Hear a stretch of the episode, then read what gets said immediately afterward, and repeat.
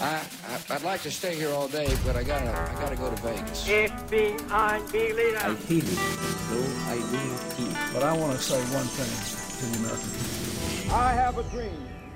Hei, hei, alle sammen. Velkommen til Globus her på Radio Revolt. Det eneste programmet, seriøse programmet med innenriks, utenriks, økonomi og forskjellige relasjoner mellom land. Eh, I dag skal vi mer og mindre snakke om relasjonen mellom Sør-Sudan og Nord-Sudan. Eh, oljekrisen og konfliktene der, og så i tillegg litt om Kinas involvering med oljeinvestering og problemer innen den området. I tillegg skal vi selvfølgelig snakke litt om nyheter og det vi kan finne på Twitter-feed. Men her får dere A2 av Cambodian Rocks. Du hører her på Globus på Radio Revolt. Mitt navn er Knut Aashammer. Med meg i studio så har jeg Markus Nerstein. Oskar Kjetland Rabben. Og Anders Småsund.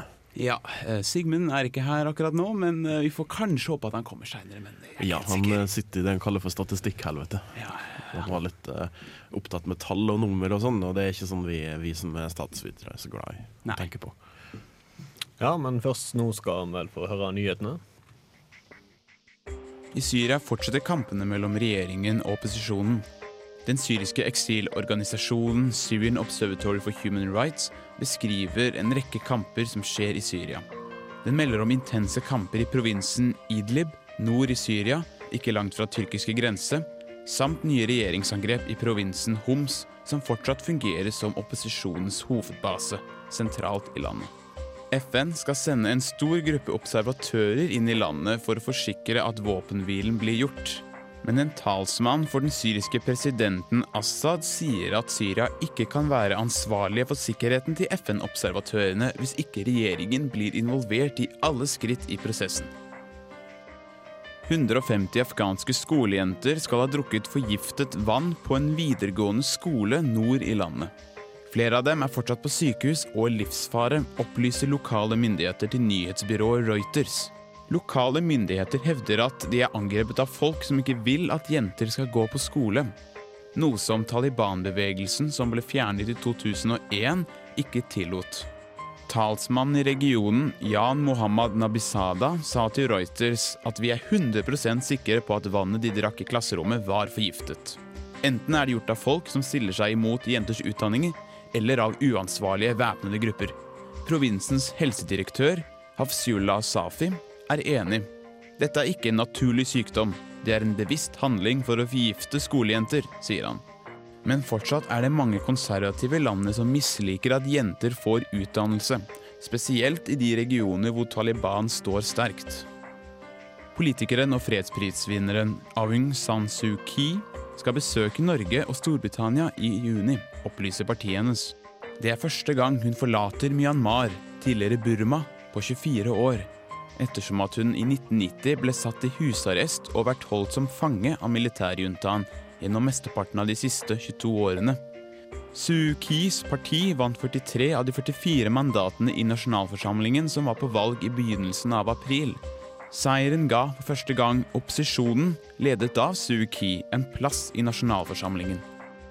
Nord-Korea lover represalier etter at USA brøt avtalen om nødhjelp da Pyongyang i forrige uke testet en langdistanserakett.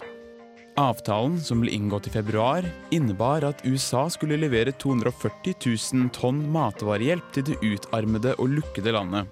Til gjengjeld skulle Nord-Korea stanse sitt atom- og rakettprogram, og inspektører fra det internasjonale atomenergibyrået IAEA skulle få slippe inn i landet for å overvåke avtalen.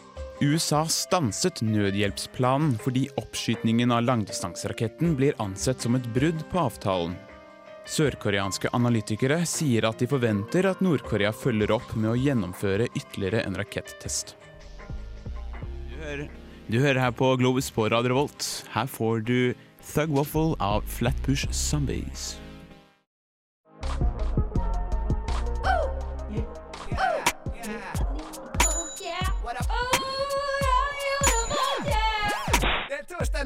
Og jeg hører kun på Radio Revolt. God stil! Du hører på. Radio Revolt her. Uh, nå får du Kari Harneshaug med Eat My Words. Radio Revolt. Du hører på Globus her på Radio Revolt. Uh, la oss nå snakke litt om nyhetene. Uh, dette med at nå Nord-Korea fordømmer USAs stopp av å sende mat til, de ut, det ut, til det utsulte landet, og at de da skal kanskje true med å sende ut nye raketter. Eh, hva, hva tror dere om det? Ja. Ingen som har noen Ingen som tanker har om det. det? Vel, Nord-Korea har alltid vært kjent for å sparke i alle retninger og bruke trusler og ehm, og ehm, da trusler om vold for å uh, true til seg matforsyninger. Sånn de lever ei intravenøs næring eh, til opium til en døende mann, for å bruke en metafor. Ja, fordi at uh, USA uh, de lagde jo en avtale som sagt at de skulle prøve for å unngå at Nord-Korea skulle utvikle eller gjøre noen flere prøveskytninger av disse langdistanserakettene, som de da hevdet var for, for forskning. Så skulle de da, USA, gi eh, 250 000 tonn med matforsyninger til eh, veldig trengende land, selvfølgelig. De har jo fortsatt sultkatastrofe og vil hatt det egentlig i 30 og 40 år. Eh, Og eh, nå har de bestemt seg for å stoppe med det, fordi de ser på Nord-Koreas eh, handlinger som at de har brutt avtalen. Og Nord-Korea mener omvendt at det er USA som bryter avtalen. Så det er en sånn typisk sånn, eh, sånn slagsmål da, mellom to uh, makter som har veldig forskjellig syn på ting. Ja, eh, men så kan man jo si at eh, Nord-Korea aldri vært kjent for å spille etter reglene for god skikk og bruk i internasjonal politikk. Og De bryter jo på en måte premissene for å få den nødhjelpen de absolutt trenger. Og det blir veldig sånn derre kutte hånden av eh, Kutte av hånden som gir deg mat. På en måte. Det er holdt på å si, det er jo ingen som liker dem lenger. Og eh, de, det er vanskelig å si hvilken logikk de egentlig følger, da, men de kommer nok til å ta til fornuften etter hvert, forhåpentligvis. Og så kommer den gamle dansen til å fortsette. Men det som er spennende, er hva som skjer nå i fremtiden med den nye lederen da, i uh, Nord-Korea, som tok over fra faren sin. Uh, eller ja, hva det nå heter. Men det virker fortsatt som at Nord-Korea handler i samme mønster som de gjør før, og at uh, han nye lederen ikke har fått gjort, gjort sånn at de har tatt noe U-sving, for å si det sånn. Mm. Um, det er jo en kjensgjerning, det at uh, Nord-Korea eh, lever ganske mye på nåde av uh, Kina. Et annet land som da også på mange måter gjør det, er vel også Myanmar eller Burma. Men de ser jo ut som de holder på å endre seg litt nå. Ja, så absolutt. Det har jo vært eh, valg nå um, for et par uker tilbake. Um, for um, da en fjerdedel av nasjonalforsamlingen som skulle besettes.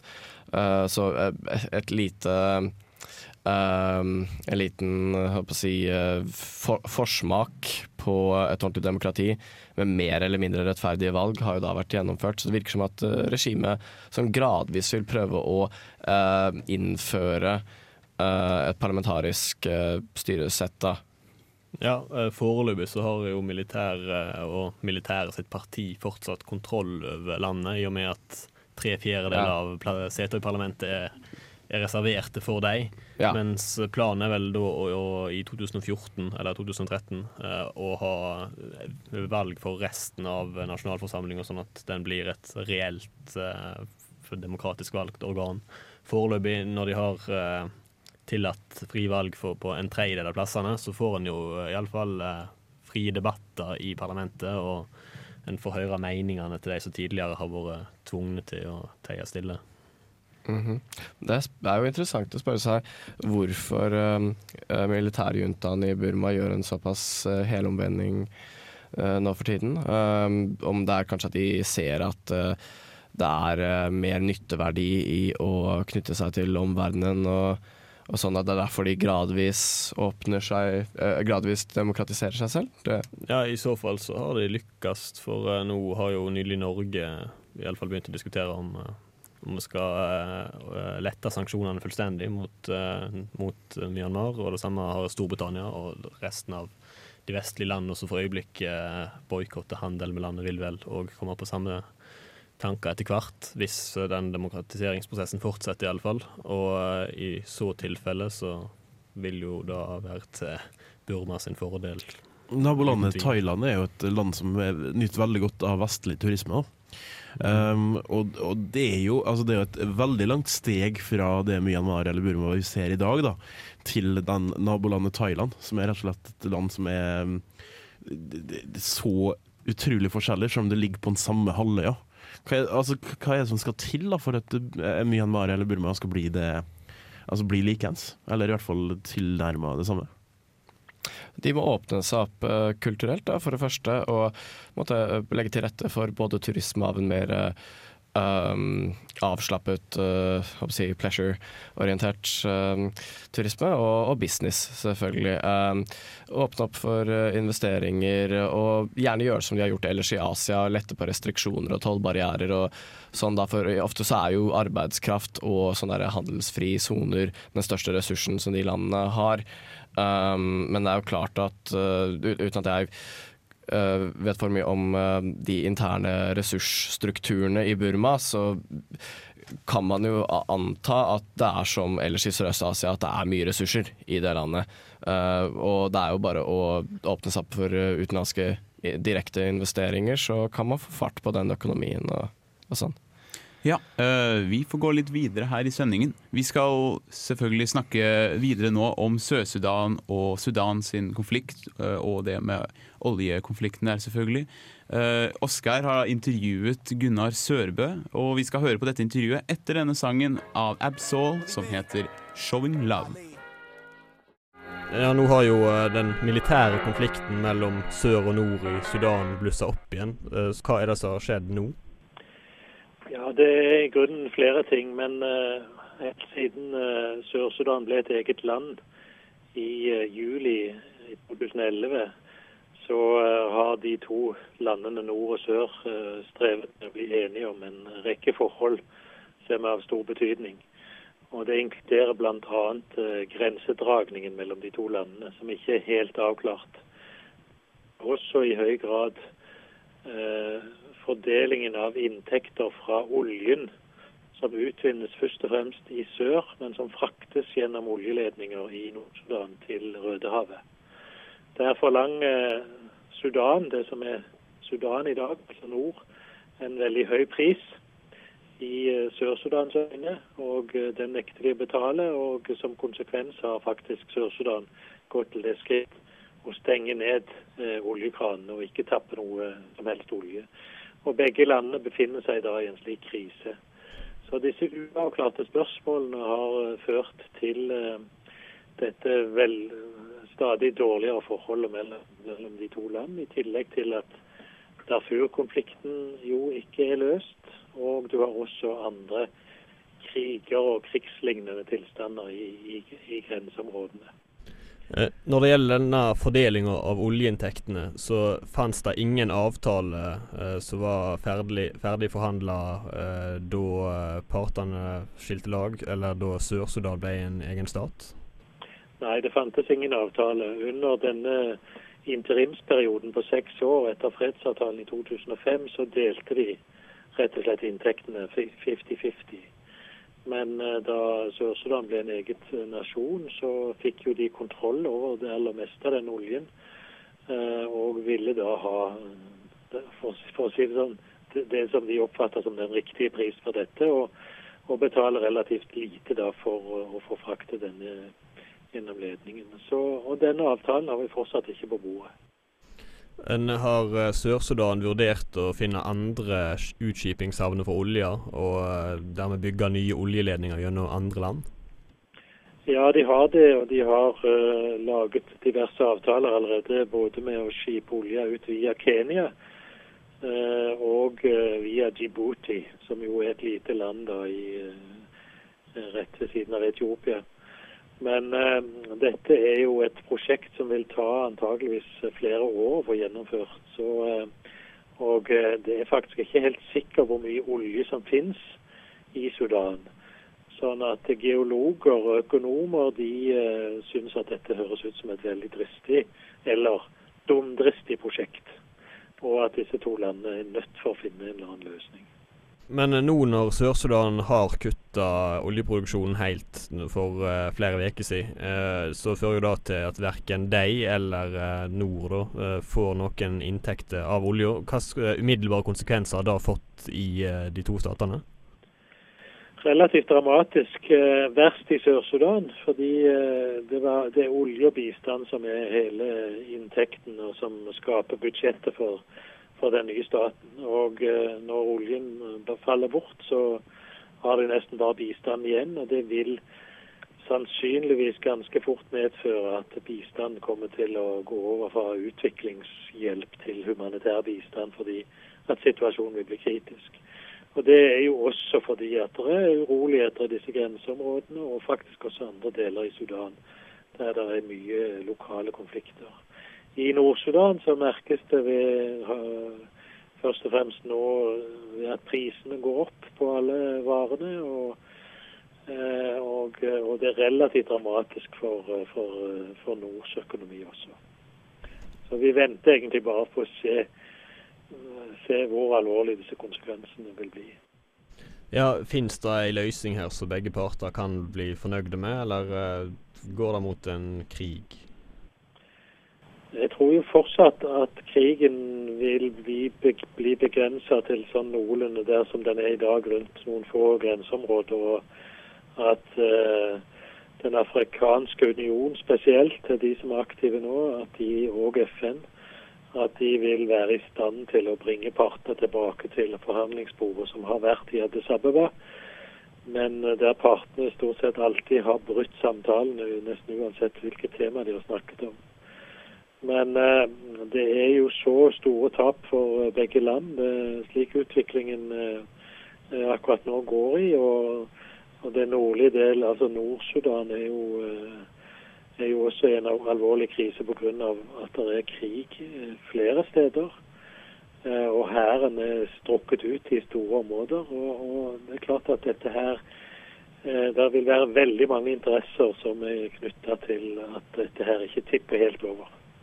Så vi får på en måte håpe at det ikke skjer. Men, men eh, det er allerede nå så kritisk at eh, vi kan, vi kan, ikke være helt sikre på det. Og da kan du også få en total kollaps i, eh, i for så vidt hele, denne, hele dette området.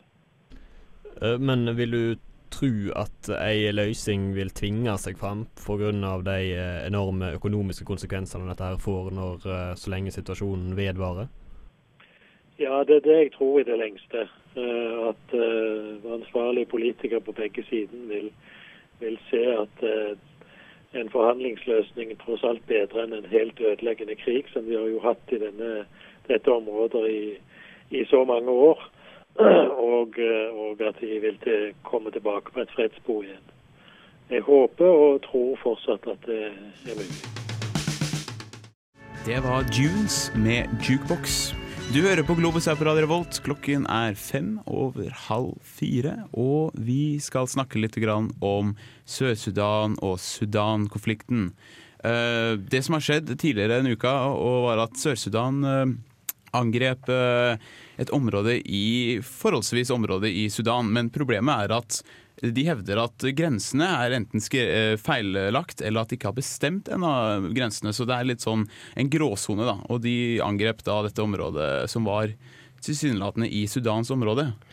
Ja, for det har iallfall eh, hersket eh, konflikt over uh, avgifter for transport av olje gjennom Sudan. Det må jo nødvendigvis opp der, siden Sudan ligger rett nord for Sør-Sudan, og der er det en ganske um, relativt ny uh, oljerørledning som går nordover gjennom Sudan, også østover ut uh, Rødehavskysten til Sudan. Og da har altså disse to uh, statene kranglet siden selvstendigheten til Sør-Sudan i juli i fjor.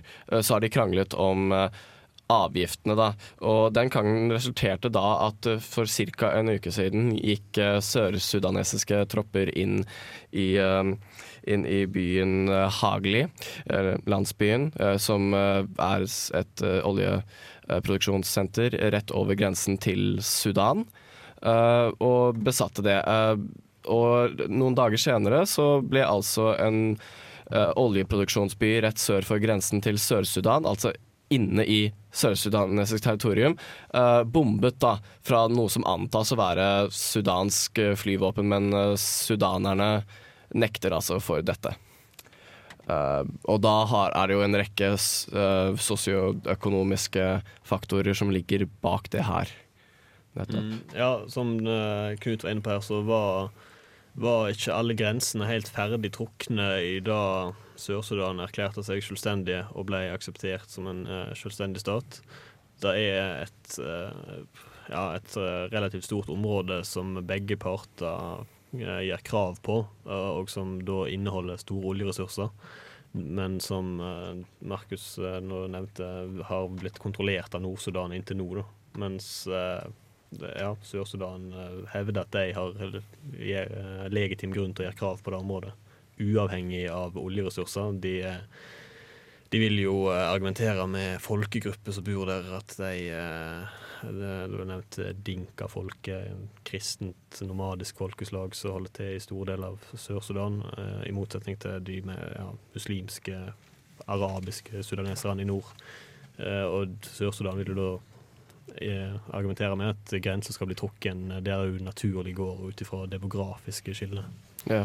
Nå har jo denne konflikten eskalert videre nettopp ved at det har vært en del grensetrefninger, invasjon i nord, Sudan har bombet i sør, og det er i praksis krig uten at det er erklært noe. Og Sør-Sudan har jo også svart med å stanse sin produksjon av olje som ligger på rundt 350 000 fat om dagen. Eh, og dette er jo eh, prekært for uh, f.eks. Kina, som har store infrastrukturinvesteringer i oljeproduksjonen i området. Ja. Det har jo vært et eh, tenkt på at det skulle være uh, lagd linje eller oljeledning til Kenya istedenfor gjennom Sudan, for da å løse dette problemet. Men uh, vi kan snakke videre om det her etter, litt videre i sendingen. Men her får du Band of Skulls med You're Not Pretty, But You Got It Going On. Du hører på Globus her på Radio Revolt. Har du noen spørsmål eller noen ønsker? Kanskje en oppskrift på kake? Så kan du gå inn på og skrive en mail til globus at radiorevolt.no. Vi ville satt veldig stor pris på det. Hvis noen har lyst til å lage kake til oss, så er vi veldig takknemlige for det òg. Og her hører du en ny stemme her i studio. Her har Sigmund kommet eh, endelig, så eh, velkommen, velkommen. Jeg ble litt sein i dag, men det får heller bare gå. Hei sann. Hei. Uh, la oss gå videre med Sør-Sudan. Eh, det ligger jo i midten av eh, Øst-Afrika, og eh, rundt den, så rundt Sør-Sudan så ligger en sentralafrikansk republikk som ja, mer eller mindre er vel en fail state. Og så har den litt for sør er det Kongo og Uganda og Etiopia og Kenya, da. Og sånn som, sånn som ble nevnt i intervjuet av Sørbø, så har var det jo eh, foreslått en linje, oljeledninglinje mellom eh, Sør-Sudan og Kenya. Men det er jo da svært urealistisk, er det ikke det? Kanskje ikke altså rent strategisk, eh, geostrategisk, vil jeg ikke påstå at det er svært urealistisk. Eh, nå snakka jeg litt med Oskar eh, i, eh, i pausa, og da kom vi fram til at det, det er usikkert hvorvidt det vil lønne seg rent økonomisk. Eh, for det, altså en sånn investering, en sånn infrastrukturinvestering, vil nødvendigvis koste veldig mye penger. Og det er usikkert hvor mye olje som faktisk finnes i Sør-Sudan. Og eh, nå har jo Sør-Sudan og Sudan fått, eller det Sudan, da, fått hjelp av Kina til å bygge den eksisterende rørledningen som går til Rødehavskysten gjennom Sudan. Og om kineserne har lyst til å hjelpe til med å bygge en ny rørledning eh, for, eh, til, gjennom Kenya for å unngå eh, problemet i grenseområdet mellom eh, Nord- og Sør-Sudan, og for å unngå hele den eh, geopolitiske eh, heksedansen som foregår der. Så uh, det, det er vel tvilsomt at kineserne er villige til å spytte inn nye midler for det. Det er vel ingen grunn til at de hadde, skulle ønske å gjøre, så da må jo Sør-Sudan stå for investeringene sjøl, og da har de jo ikke kapital til. Eventuelt så kan europeere og amerikanere stå for investeringer gjennom Kenya, men det vil jo være å sparke kineserne i ballene, for å si det sånn. Ja, det blir en konfrontasjon som man ikke vil ha nå om dagen, og som Kina er sånn delvis tatt inn i varmen. og Jeg vet ikke, jeg, jeg har litt lyst på den konfrontasjonen. Nei. Det, er så, det er så behagelig å føre krig i Afrika snarere enn andre steder. Ja, ikke sant. Nettopp. Neida, men, men eh, altså, det, det er som du sier, eh, Markus, at hvis du hvis du begynner å tråkke kineserne altfor mye på tærne, så risikerer du at de låser seg litt opp. Ja. Eh, Ja, fordi det er jo et Det er jo mer eller mindre kjent at denne valget, valget kom gjennom med at Sør-Sudan bestemte seg for at et nasjonalspråk skulle være engelsk, og at de er i mer eller mindre grad retter seg mot Vesten. Eh, og Nord eh, Sudan er jo prøver jo, eller Kina ønsker jo litt mer innflytelse i Sudan. Så, og som vi vet også det med at, som vi har snakket tidligere om, Israel, som ønsker å ha eh, noen allierte i Afrika. Og da fungerer det jo veldig godt med noen som har litt oljekapasitet. Eh, så Sør-Sudan passer jo veldig greit for det. Det er jo eh, Så verden har eh, en interesse i de to landene, og, eh, men de sier at eh, for at dette skal fungere, selvfølgelig, så må jo de ordne opp i dette selv. du har, du har, det du har, er at du har mange elementer her. Du har kristne mot muslimer, eller dvs. Si Vesten mot muslimer-elementet, gjennom at Israel vil, vil blande seg inn. Og Sør-Sudan er en nasjon nå av stort sett kristne. mens det, det nåværende Sudan det er en nasjon av stort sett muslimer. Du har eh, Kina-USA-bildet, hvor eh, kineserne er, eh, går hardt inn på å investere i, i Afrika og også i Sudan. Og de ser ut som de har kasta, loddet sitt litt inn med Nord-Sudan, da kanskje. Ja, det er meget eh, mulig. I hvert fall de har blitt dratt uh, mot dit eh, siden hendelsene som har bygd opp mot denne uh, stillingskrigen vi ser nå, uh, ved at uh, Kina investerte i denne oljerørledningen gjennom eh, Nord-Sudan, har jo da gjort at eh, situasjonen eh, sier det sånn at de blir trukket mot Nord-Sudan, siden de har interesse av at oljen går gjennom der. Og den der eh, avgiftskrangelen mellom de to landene er jo eh, en konflikt som kineserne har stor interesse av å få lagt eh, død. eh, Akkurat nå. Men de, de er nok trukket mot eh, Nord-Sudan, noe som nødvendigvis gjør at Sør-Sudan vil nærme seg Vesten, og nok allerede har gjort det. Ja, som er, som er nevnt, så er jo dette nærmest en konfrontasjon og en konflikt. Men uh, den kan ikke gå særlig lenger. Den kan vel ikke eskalere seg svært mye større. Fordi det er uh, problemer med å få selvfølgelig forsyninger og matrasjoner. Og da, ironisk nok olje til fronten. Jeg, jeg tror eh, Kanskje litt teit at jeg skal sitte her. Jeg vet ikke så veldig mye om de, de respektive landas uh, militærkapasiteter, men jeg tror de har lite Jeg tror både Nord-Sudan og Sør-Sudan har mindre mulighet til å føre en tradisjonell, moderne krig. Eh, det, man, det man kan se hvis det skulle eskalere til en krigssituasjon, er at du har sånn tradisjonell afrikansk stammekrig, om jeg får lov til å kalle det det, hvor du har uh, war bands, altså eh, som, eh, som plyndrer, plyndringstokter, eh, inn på motstanders territorium. De kan jo være ganske fæle i seg sjøl med, med folkemord og, og utbrakt vold. Det har vært tilfellet de helt siden selvstendigheten til Sør-Sudan ble et faktum, er jo at eh, både nord og sør har støtta ulike lokale opprørsgrupper for å føre en proxykrig mot sine fiender. Det vil nok fortsette som det har gjort i de fleste årtier som det har vært før denne selvstendigheten. Eh, Globus er nesten ferdig. Vi skal høre en sang til, og så skal vi si farvel. Men her får du The Devil On Your Shoulder av Woodland.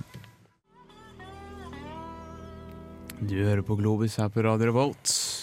Programmet er nesten slutt, men eh, i neste uke så er det en ganske spesiell dag på sendingsdagen, og det er internasjonale malariadagen, hvor eh, man eh, høster inn penger for å bl.a. kjøpe inn malarianett, moskitonett, da for å unngå selvfølgelig spredningen av det, den morderen som har drept flest mennesker i hele verdenshistorien. Men eh, Globus er da slutt. Vi snakkes om en uke. De som har vært her i studio, er Knut Aashammer.